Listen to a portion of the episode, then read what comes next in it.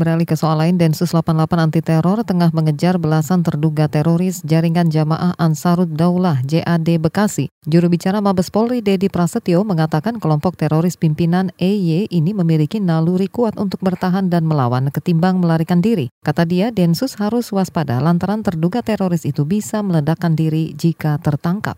Masih di sekitar Bekasi, Jawa Barat, dan sekitarnya. Ya, sudah, sudah mulai ini kan kelompok-kelompok ini kan memiliki insting dan naluri yang cukup kuat.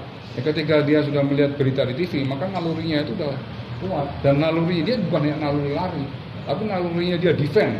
Dia sudah yakin kalau saya ditangkap, maka dia sudah mempersiapkan diri. Juru bicara Mabes Polri Dedi Prasetyo menambahkan belasan orang yang tengah diburu itu memiliki kemampuan merakit bom. Rabu kemarin Densus 88 anti teror menangkap dua terduga teroris berinisial EY dan YM. Menurut polisi, EY merupakan pemimpin JAD Bekasi, sedangkan YM adalah hasil rekrutan EY. Kelompok teroris Bekasi disebut menargetkan kerumunan massa pasca pemilu, terutama pada momen pengumuman pemenang pemilu 22 Mei mendatang.